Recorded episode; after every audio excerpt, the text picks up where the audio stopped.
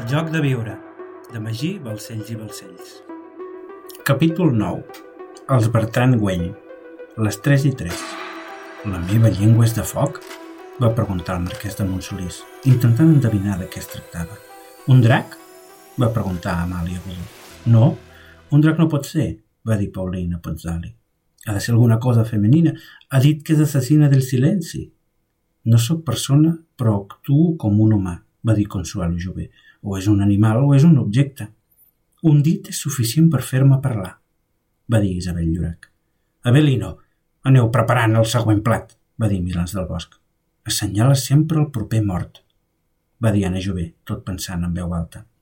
És una pistola, va dir Josep Bertran, trencant el misteri. Quan obro la boca puc ser letal, però res no puc sense el martell i un petit gall. Tota pistola té martell i gallet. Tens raó, amor meu, va dir-li la seva esposa, Maria Cristina Güell, apuntant-ho a la graella. Un advocat i una pistola?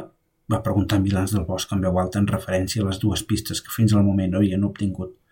Tenim dues pistes, va dir Maria Cristina Güell. La quarta, que és pistola, i la setena, advocat. Alguna idea? va preguntar Lluís Ferrer Vidal. És curiós, va dir Lluís Llorac. Tan observadora que has estat fins ara i en aquesta ocasió no te n'adones de res, va dir mirant a Maria Cristina Güell. Què vols dir? li va preguntar Maria Cristina. Aquesta vegada els sobres anaven numerats i portaven el nostre nom escrit, explicava Lluïsa a Maria Cristina. Hi ha tres coincidències que no poden ser casuals. La persona que ho ha endevinat, que és el teu marit, el que li ha tocat dir en el seu sobre, per fer-me parlar, i les dues pistes que l'apunten, advocat i pistola. Això que dius no té sentit, va dir Josep Bertran de forma impertinent a Lluís Llorac. Maria Cristina va agafar el sobre del seu marit i, tot llegint el que, havia, el que li havia tocat dir, va deixar el paper sobre la taula un altre cop i va exclamar «No pot ser!»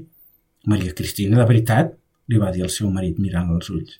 Maria Cristina Güell i López era la quarta dels germans Güell, de 47 anys, mitjana estatura, amb ulls i cabell fosc i arrissat i de tracte afable i amb una profunda predilecció per la lectura.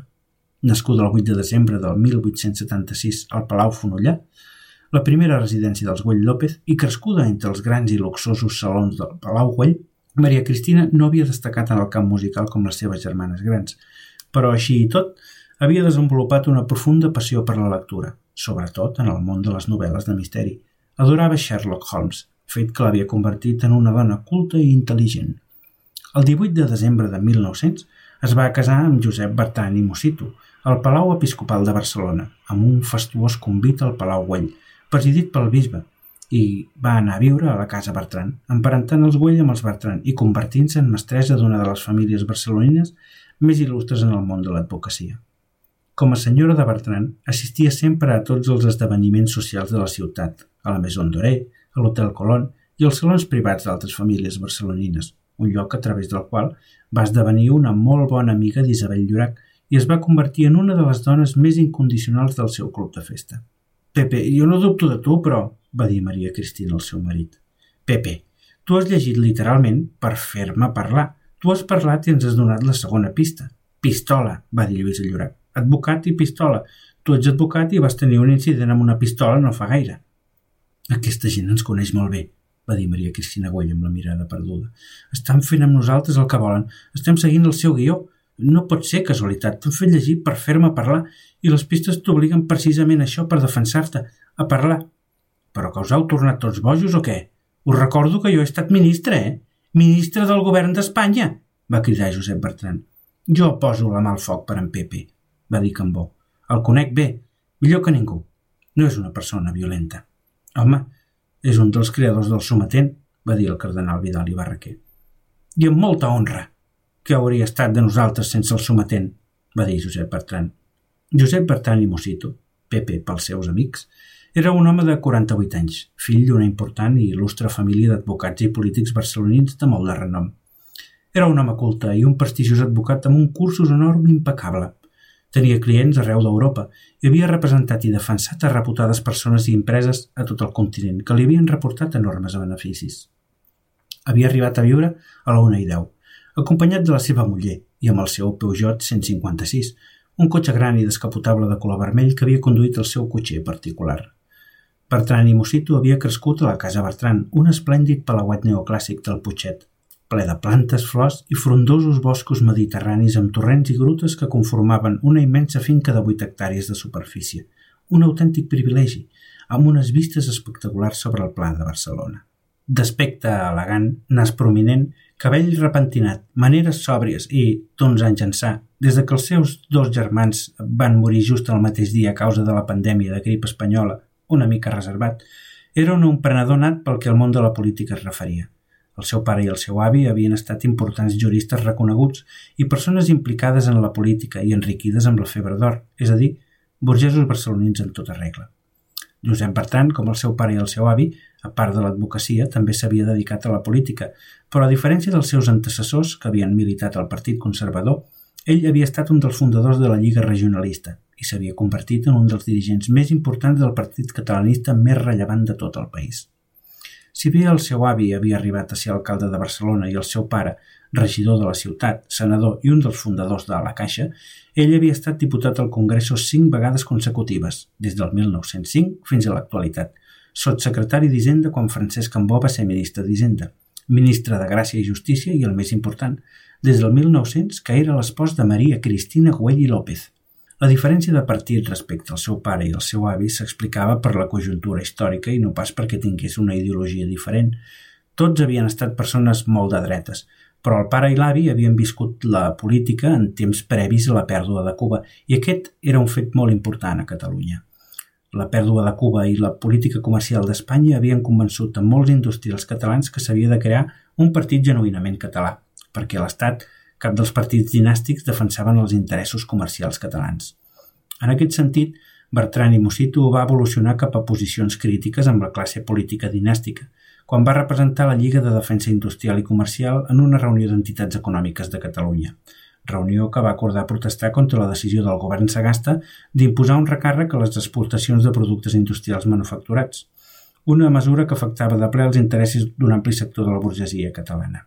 Va ser precisament a la defensa d'aquesta política proteccionista on Josep Bertran va conèixer en profunditat el seguit de persones que, al 1901, fundarien la Lliga Regionalista, un nou partit nascut amb la intenció de liquidar el sistema de torns dels partits dinàstics del règim de la restauració borbònica i que va aconseguir l'hegemonia a Catalunya des de principis del segle. Des dels seus inicis, la major part de la poderosa burgesia catalana va intentar forjar una indústria nacional espanyola que, de Catalunya estant, fos capaç de modernitzar l'Estat i d'influir en la direcció política d'Espanya. Però amb el temps, constatat que els partits de l'Estat no servien als interessos comercials catalans, palès sobretot després de la pèrdua de Cuba, molts burgesos van entendre que seria més útil un partit regionalista d'arrels catalanes i factura autonomista, la Lliga Regionalista. La Lliga era un partit clarament conservador i monàrquic, però de tendència catalanista, un fet important després del desastre de Cuba, que va servir per agrupar la major part de la burgesia catalana entorn la idea d'esdevenir un instrument per la defensa dels seus interessos de classe. El catalanisme polític, fins al moment, no havia comptat amb gaire suport, però després de la pèrdua de Cuba i amb la creació de la Lliga va esdevenir el moviment polític més important de Catalunya, i la Lliga va obtenir el suport quasi total de la burgesia industrial, dels comerciants, dels professionals liberals i de l'Església. Així, al maig de 1901, la Lliga va aconseguir guanyar les eleccions a la província de Barcelona sense ser un partit dinàstic, un fet que mai havia succeït. Aquest fet s'explica per la gran desconfiança de molts catalans respecte a l'estat espanyol, per la seva ineficàcia a l'hora d'encarar els problemes de Catalunya, raó per la qual gran part de la societat civil es va conjurar per portar a la pràctica una persistent supervisió electoral que va fer impossible l'encasillado, el caciquisme, el frau i la manipulació electoral. Per consegüent, potser per primera vegada a la història d'Espanya, els resultats electorals a Catalunya van ser un autèntic reflex del vot.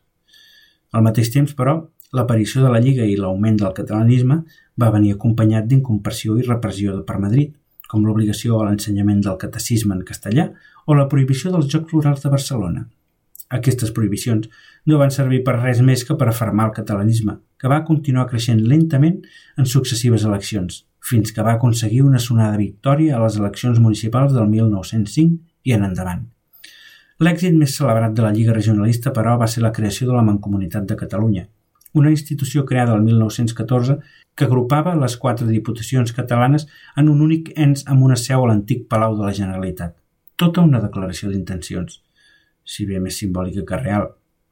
Malgrat que senzillament es va tractar de mancomunar les funcions administratives derivades de les competències de les diputacions provincials, va significar una important fita política pel catalanisme i per Catalunya, atès que va representar el primer reconeixement per part de l'estat espanyol de la personalitat i de la unitat territorial de Catalunya des de 1714. Des del seu inici, Bertran i Mosito va representar els sectors més conservadors i menys nacionalistes de la Lliga, motiu pel qual es va convertir en un dels més estrets col·laboradors de Cambó, que era de la mateixa corda, i a poc a poc van aconseguir expulsar del partit els sectors més propers al liberalisme, al republicanisme i al nacionalisme, fins a convertir el partit en un instrument al servei de la seva classe social que defensava la repressió contra el sindicalisme i les vagues obreres. Vas disparar un home en ple carrer mentre anaves en cotxe, va dir Lluís Llorac, sense poder-se'n estar a causa de la desinhibició alcohòlica i has patrullat per Barcelona amb pistola diverses vegades, va replicar el cardenal Vidal Barraquer. Clar que he patrullat per Barcelona amb pistola, va dir Bertran i Mosito. He estat cap del sometent, i respecte al tret contra el motorista, és de molt mal gust que em retreguis ara això. Pepe, va dir Carlos de Sant Manat, les proves t'apunten. Què va passar amb el motorista? va preguntar Consuelo Jové. Josep Bertran va fer un moment de silenci. Va mirar a l'infinit i va començar a parlar mentre tothom el mirava. Va ser tornant cap a casa. Veníem del Liceu, després de veure l'òpera tosca de Puccini. Era quasi la mitjanit, poc dies abans de Sant Joan del 21. Jo anava al cotxe amb el meu fill cap a casa i a l'altura del passeig de Gràcia en Provença, un sidecar amb tres persones es va posar al nostre costat. El xofer va accelerar i el sidecar va fer el mateix. Després el nostre xofer va frenar i el sidecar va frenar. Llavors jo els vaig avisar que aparessin des de la finestra del cotxe. Però van continuar. Van passar la diagonal i seguien al nostre costat, fins que un d'ells es va palpar la butxaca i, abans que poguéssim fer res, arribant ja al carrer Salmeron vaig agafar la meva pistola, vaig abaixar el vidre i vaig disparar. No ho sabia, va dir Consuelo Jové mentre els cambrers començaven a retirar els plats. Doncs la notícia va sortir als diaris, va dir Bertran i Mosito. Va morir algú? va preguntar impetuosament Clotilde Ricard. No, vaig ferir de gravetat a un dels ocupants, però no va morir ningú, va respondre secament Bertran i Mosito. I això que no ets violent, va deixar anar el cardenal Vidal i Barraquer. Què volies que fes? va cridar irat Bertran i Mosito. El març d'aquell any Eduardo Dato va ser assassinat a Madrid dins el seu cotxe per tres anarquistes que anaven en un sidecar. Li van disparar més de 20 trets. Si els anarquistes havien pogut matar un president del Consell de Ministres, amb el dispositiu de seguretat que comporta un càrrec com aquest, que no podrien haver fet amb mi? Soc diputat a Corts, cap del sometent, i, i el meu nom sonava com a ministre. Què volíeu que pensés quan vaig veure aquell sidecar? La policia els va agafar? va preguntar Consuelo Jové. Sí, va respondre Bertran i Mosito. I pretenien fer un atemptat o no? va preguntar Lluís Ferrer Vidal, mentre Ramon Gassol li deixava un cendrer al davant. No, eren joves i anaven borratxos, responia Bertran. Dos d'ells eren fills de la, de la joieria Rodelles i l'altre, el que vaig disparar, era un tal Antonio Pero. Es Vas refer de les ferides? va preguntar Lluís a Llorac. Pel que tinc entès va quedar coix, va respondre Bertran. Vas fer bé, Pepe, va dir Cambó. Tant de bo jo hagués fet el mateix quan em va passar a mi. La violència mai és una resposta, va dir el cardenal Vidal i Barraquer. Tu també vas ser víctima d'un atemptat? va preguntar Consuelo Jové a Cambó. Sí, va respondre Cambó. El 1907, tu encara eres molt jove. Anava dins un carro estirat per dos cavalls amb set companys de partit mentre ens dirigíem al casino de Sants per fer una xerrada. Però quan vam arribar a Creu Coberta van aparèixer molts homes i dones, fins i tot nens, i amb unes escombres plenes d'excrements van tapar els ulls dels cavalls, i el carro va parar. Llavors va començar una intensa pluja de trets. Més de trenta! Va agafar la copa de vi, va fer una pausa tot mirant a l'infinit. Afortunadament, només em va ferir el ventre. Es va veure la copa d'un sol glob. Per desgràcia són molts els que han patit l'anarquisme, va dir Arnaldo de Mercader a Consuelo Jové. Per exemple, la meva dona. Vostè, Paulina? va preguntar Consuelo Jové. Sí, va respondre Paulina. Jo vaig ser ferida per la bomba del Liceu quan tenia 18 anys. Eh, tu encara no devies d'haver nascut. El 7 de novembre de 1893, durant l'obertura de la temporada d'hivern del Liceu, crec que era en el segon acte de l'òpera de Guillem Tell, de Joachim Rossini, un anarquista que es deia Santiago Salvador va llançar dues bombes des de la galeria del cinquè pis que van provocar 20 morts i 35 ferits. Ostres! No sabia que hagués mort tanta gent, va dir Consuelo Jové. Jo encara vivia a Itàlia. amb la meva mare i, i com a amant de l'òpera feia molt de temps que insistia als meus pares per poder anar al famós Liceu de Barcelona, explicava Paulina. Finalment, després de molt insistir, la meva mare m'hi va portar. Va mirar l'infinit.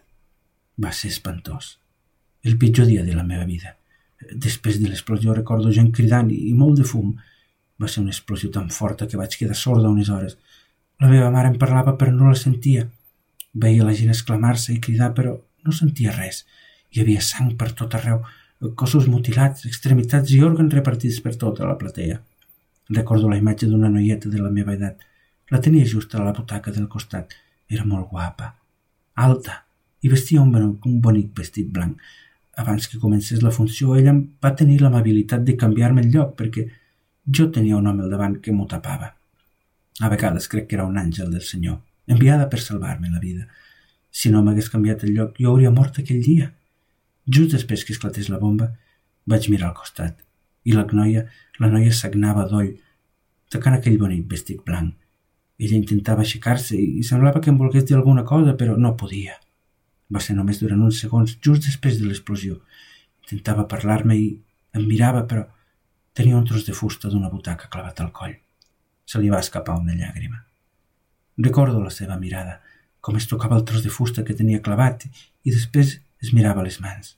Va entendre el moment que es desagnava i que era el seu final. Va ser horrorós. No hi ha dia que no hi pensi. A mi se'm va clavar un tros de metralla al pit. Vaig tenir molta sort. Enmig de la confusió, en xoc, l'Arnaldo em va carregar i em va treure fora, a les Rambles. Qui m'hagués dit que coneixia el meu marit en un atemptat? Us vau conèixer aquell dia? va preguntar Consuelo Jové. Sí, va respondre Paulina mirant el seu marit i agafant-li la mà. I aquest tal Salvador? Santiago Salvador Frank, va puntualitzar Milans del Bosc. El van agafar? va preguntar Consuelo Jové. El govern va declarar la llei marcial a Barcelona, explicava Vidal i Barraquer, i centenars de militants anarquistes innocents van ser arrestats i torturats. En un primer moment es va atribuir l'autoria a dos anarquistes que van ser executats, tot i ser innocents. Finalment, la policia va obtenir proves que havia estat Santiago Salvador. El van agafar i el van executar amb el garrot vil en una plaça de Barcelona, a la vista de tothom. No es mereixia menys, va dir Bertran i Mosito. Els anarquistes són uns assassins, en els últims anys han assassinat centenars de persones a casa nostra. Només una minoria de l'anarquisme és violent. A més a més, els teus amics del sindicat lliure tampoc es queden curts, eh? va dir Vidal i Barraquer. Pau Sabater, Evelio Boal, Salvador Seguí, cal que segueixi? Agitadors, va sentenciar Bertran i Mosito. Ningú mereix la mort, va dir Vidal i Barraquer alçant-se de la taula. Si em disculpeu, vaig al lavabo. Aquesta conversa m'està encenent. La violència i el terror sobre Barcelona era un fet habitual des de principis de segle, arribant a un dels seus màxims exponents durant la Setmana Tràgica i augmentant de forma persistent i continuada, sobretot un cop acabada la Gran Guerra d'Europa. A la conflictivitat i l'efervescència social i política d'aquell temps cal sumar-hi el caldo de cultiu que s'havia generat durant la guerra.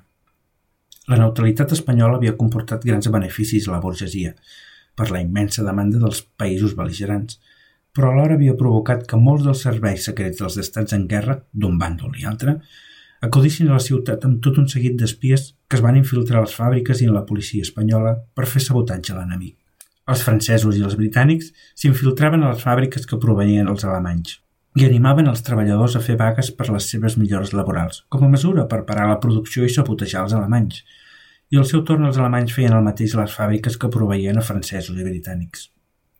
En aquest context d'espionatge, contraespionatge i sabotatge, la criminalitat va créixer a la ciutat de la mà d'aquests personatges, sovint vinculat amb el món del proxenetisme, com a instrument per multiplicar les seves fortunes de guerra, amb la qual cosa va néixer a la ciutat un clima de Sodoma i Gomorra a la catalana, concentrada sobretot al paral·lel, al mateix lloc on els patrons acudien d'amagat a la cerca de prostitutes.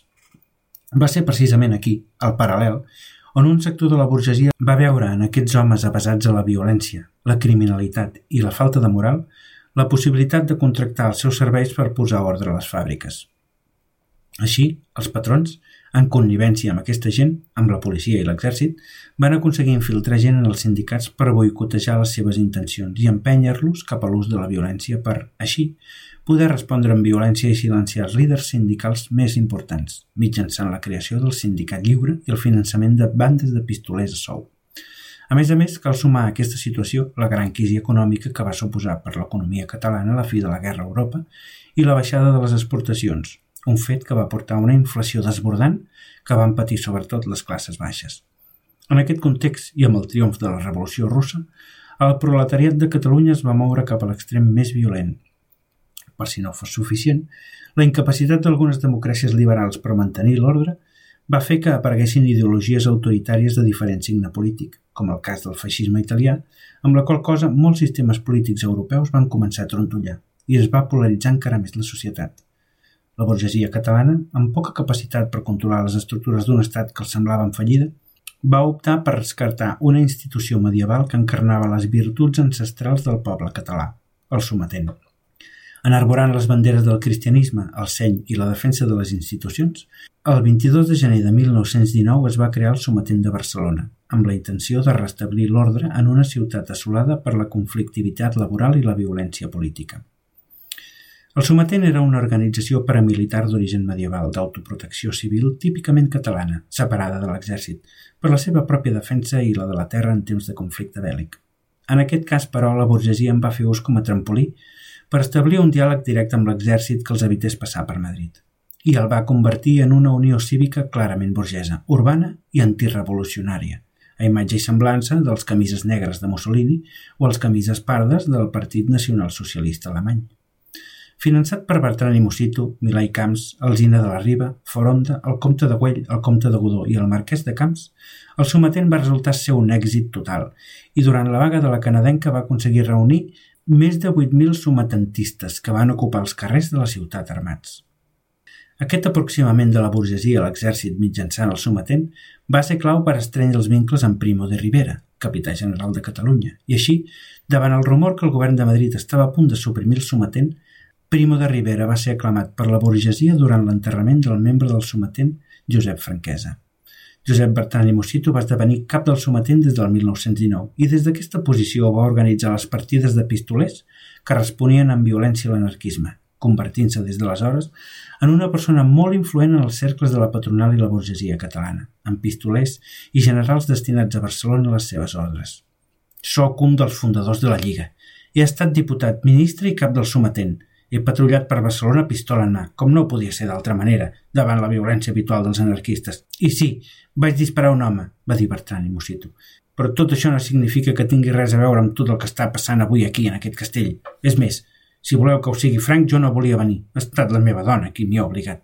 De sobte, el cardenal Vidal i Barraquer va entrar a la gran sala procedent del lavabo, extremadament nerviós i sufocat. Hauríeu de venir al lavabo. És monstruós. La minyona és morta. Com? va dir Isabel Llorac, aixecant-se de la taula. Però què dius? va dir Paco. La minyona morta?